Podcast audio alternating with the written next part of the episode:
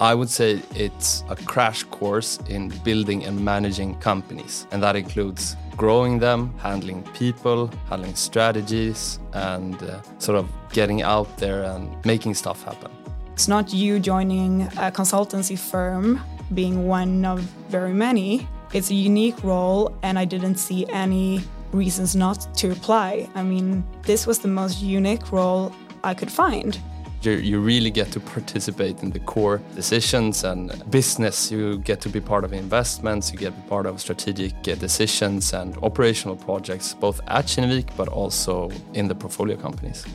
And of course, I would lie if I would say that you won't work hard as a Luma, but it's not being at the office 24 7 that matters. What matters is that you really want to do this and that you are engaged and passionate about probably having the best year in your career.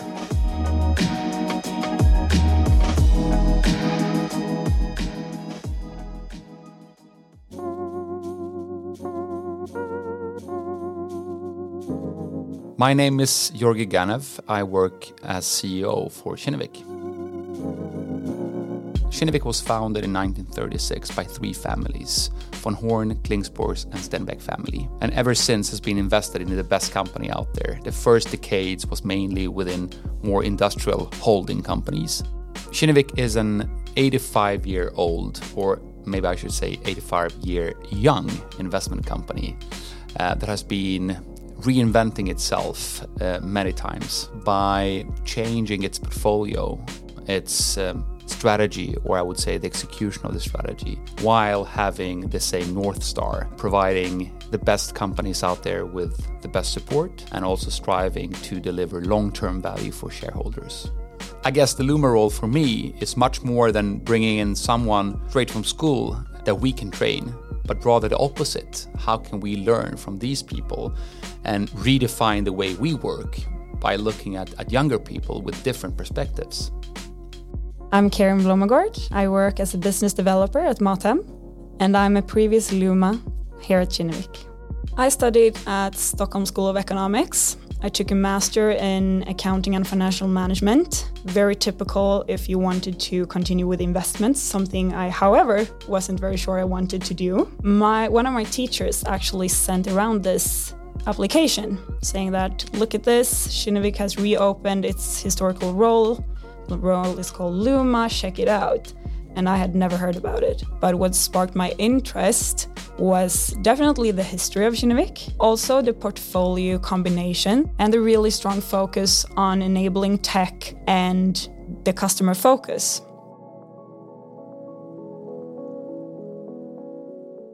My name is Johan Beckmanberg, and I work as Commercial Operations Manager at Joint Academy, and I am Luma number 35. So I was at, with Kinnevik for a year, and now I'm at my new job at Joint Academy. They do treatments, digital treatments for joint pain, uh, knee, hip pain, back pain, and so forth. So I studied at so Stockholm School of Economics, and I did my bachelor and master's degree there. And I think I got in touch uh, or got in contact with the Luma program in Kinnevik. I both saw the marketing that was being done. They had uh, different presentations, uh, but there's also sort of a rumor around Kinnevik. It was a semi-legendary company, I would say. Uh, I should probably change that to a legendary company now when I'm doing a podcast for Kinnevik. But um, yeah, so I heard about it from different, uh, both through like active recruitment efforts, but also through sort of the rumor about the Luma position. It's it's been around for a long time. As a Luma, I think you will join Kinnevik and discover that you get access to all kinds of information. It's about understanding the culture, understanding the profound business principles that we have and, and be part of those kind of discussions and, and, and again, listen in. Uh, over time, during your Luma year, you will gradually start working in the different teams. Could be the finance team, strategy team, or investment team. And over time, you'll actually be in charge of your own projects. Something that you will be in charge of uh, quite early on is actually the recruitment process of the next Luma. The Luma program is definitely shadowing the CEO and being mentored by the CEO and the management team. And you get to see all the decision making and the interaction between management team, stakeholders, shareholders, and the board. Before going into sort of different recruitment processes uh, during my last year of studies, it was not necessarily my first choice. It became my first choice during the recruitment process because I was sort of blown away by by the people I met, and they're sort of they were very humble, they were very intelligent uh, and fun. So that was that was super important for me. Kinnevik is also characterized by its Luma role, also dating back to the 80s, where Jan decided to bring in this young, you know, high potential trainee into the company to really join the firm in the most transparent way you can do. In the beginning, like a fly on the wall, and later during the Luma period, I would say responsible, accountable for very specific projects. And after the Luma year, I would say that the real job starts when you have decided, hopefully, to join one of our portfolio companies or staying as part of our investment organization. You have to work quite a lot you have to learn how to prioritize. You have to to learn how to present and be concrete and be analytical at the same time. So in that sense, definitely challenging, but uh, worth it all along the way. I think one of the great things with starting to work in the portfolio now is the connections you have both to Kinnevik but also to the other companies. So I've, during my year as Luma, I got the chance to meet most of the Nordic companies and their CEO or founders. And obviously, now I'm in a place where I really enjoy my position and what I'm doing, and I want to stay and grow here.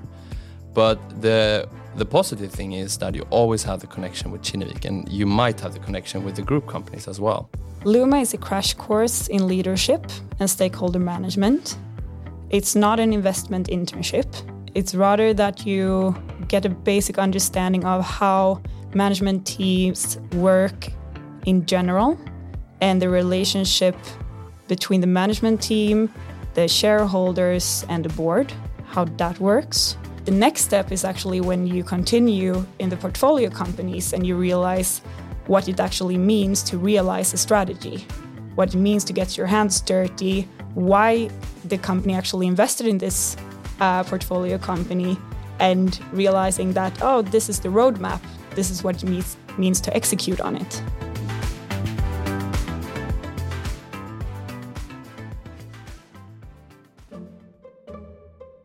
I remember Georgi calling me when I was at school telling me that I got the role. He was he really wanted to trick me. He didn't want to let me know that I had got the role early on. So I was super nervous. He wanted to talk about how it went. The interviews gave me positive and negative feedback, very typical for being Georgi, never only giving you the good stuff, right? Always quickly giving you the some negative stuff, keep you on the ground as well. I think he's done this with some other candidates, but he did sort of the idol, the talent show version that he said, sort of started the conversation saying, yeah, there was a lot of applicants, and as you know, there's been a lot of good applicants, and the competition is tough. It took him so long to actually tell me if I had received the role or not, and I was super nervous, didn't really understand where it was going, good or bad. Fortunately, I must say that you got it. and then when he told me, I was just so happy and I didn't really know what to say, what to expect. I think I thanked him.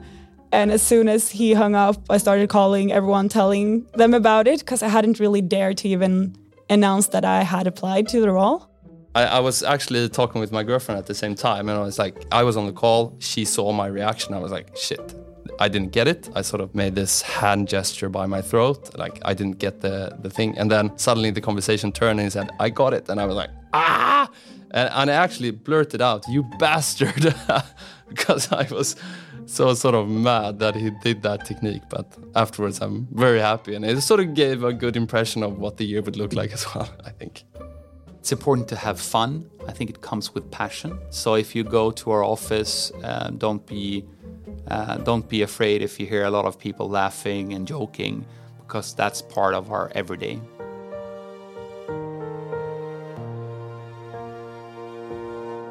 This job is not a sprint, it's a marathon, sometimes in a sprint tempo. So to be able to hold on for quite some time, to have the grit and the stamina is absolutely important. So, coming into the question of work life balance, I think that is a central part um, for every employee. And at Kinnevik, we are proud that we have the high ambitions, that we strive for excellence, but we also want to do that for the long term, right? So having a balance in life is important. And we don't care about FaceTime, we don't care about, you know, looking good. It's the result that matters at the end. So having employees or having team members that do many hours for the sake of it, but not so impressive results is something that we typically don't applaud. Whereas having people that go in with, you know, their full body really engaged and being passionate of what they do, but also have a life on the side, so to say, to get more inspirations, whether that's the family, if it's a hobby, or if it's just friends, it doesn't really matter. But I think that that that kind of balance in life is important. I think my first day with Georgi really set the tone. I remembering coming in, it was in the middle of reporting week. He and the communication chief just closed the door, went into the room and had a meeting with some investors. And afterwards, Georgi comes out and asks, Why didn't you join us? And I thought it was obvious. Well, you closed the door. You didn't ask me to come. Afterwards, he told me, Well, always just follow us. If you're not welcomed, we will let you know. But unless keep on joining the meetings. And that really set the tone going forward. You were everywhere. And if you didn't open the door that were closed, you would miss a really important meeting. And obviously, you don't want to miss having a meeting with the three founders or Zalando or someone else big shots, right? This is a small thing, but one thing that I sort of learned during the year is not be too serious about things. So I definitely learned that uh, from Georgi because every time when we had sort of the uh, the quarterly calls um, where we talk with analysts and the stock market about the results for the last quarter. Before those calls, uh, it is like one minute until we're action, one minute until we're going live into the ether. We're always doing a lot of jokes. There's always like funny dialects going on, sort of really acting silly and that sort of decreases the nervousness in the room but i think it's a great way to show that you don't always have to be that serious traditionally the Kinnevik always sets up a christmas tree here outside the office every year and uh, my year was the sort of corona year so we couldn't have a physical event when the tree was finished as we normally do Georgi said that it would be great to have sort of a movie that we could present on our social media accounts or something like that. I'll try to figure out a movie. And then he said, wait, but wouldn't it be fun as well to have like a stop motion picture thing going on so we see the tree being built up? Because it takes about three weeks to build a tree. So that's what he wanted. And you know, as a Luma, uh, I had a, several different sort of high level strategic projects, important projects with the portfolio. But at the same time, you have to be able to manage those small requests. But this request required me to run to my window where I had my office and take a photo every sort of 20 minutes for three weeks every day to sort of capture all of these sort of still motions because we, I tried to set up like a fixed camera that could take a photo automatically, but I didn't manage. So I had to do it by hand, open the window, take a photo, and run, then run to my meeting.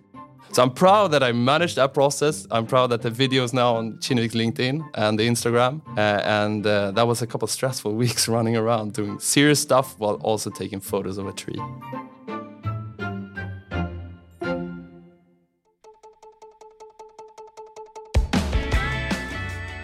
So, when speaking about values or business principles, I would say that it's difficult to define one common kind of value ground for all our companies because they're all different.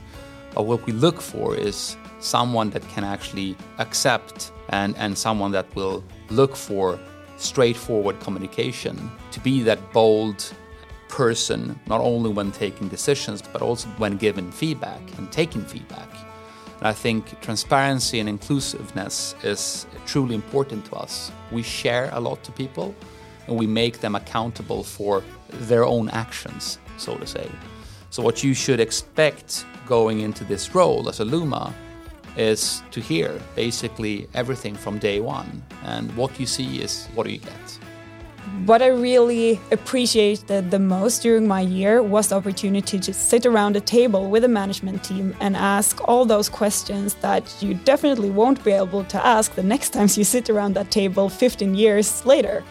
The relationship you get with Georgi that sort of uh, was a little bit surprising to me that you got so close. He's a very open, open guy, and he invites you into almost every conversation he has, uh, and his thinking as well. I think learning from a person like that during a year in not like a boss uh, or a manager-employee relationship, but a, a a close, more like a friendship, is extremely valuable, and that's I think the main thing that I will take with me uh, in my career. You've just listened to Jobcast. Would you like to get to know more companies? Download our app at App Store or Google Play.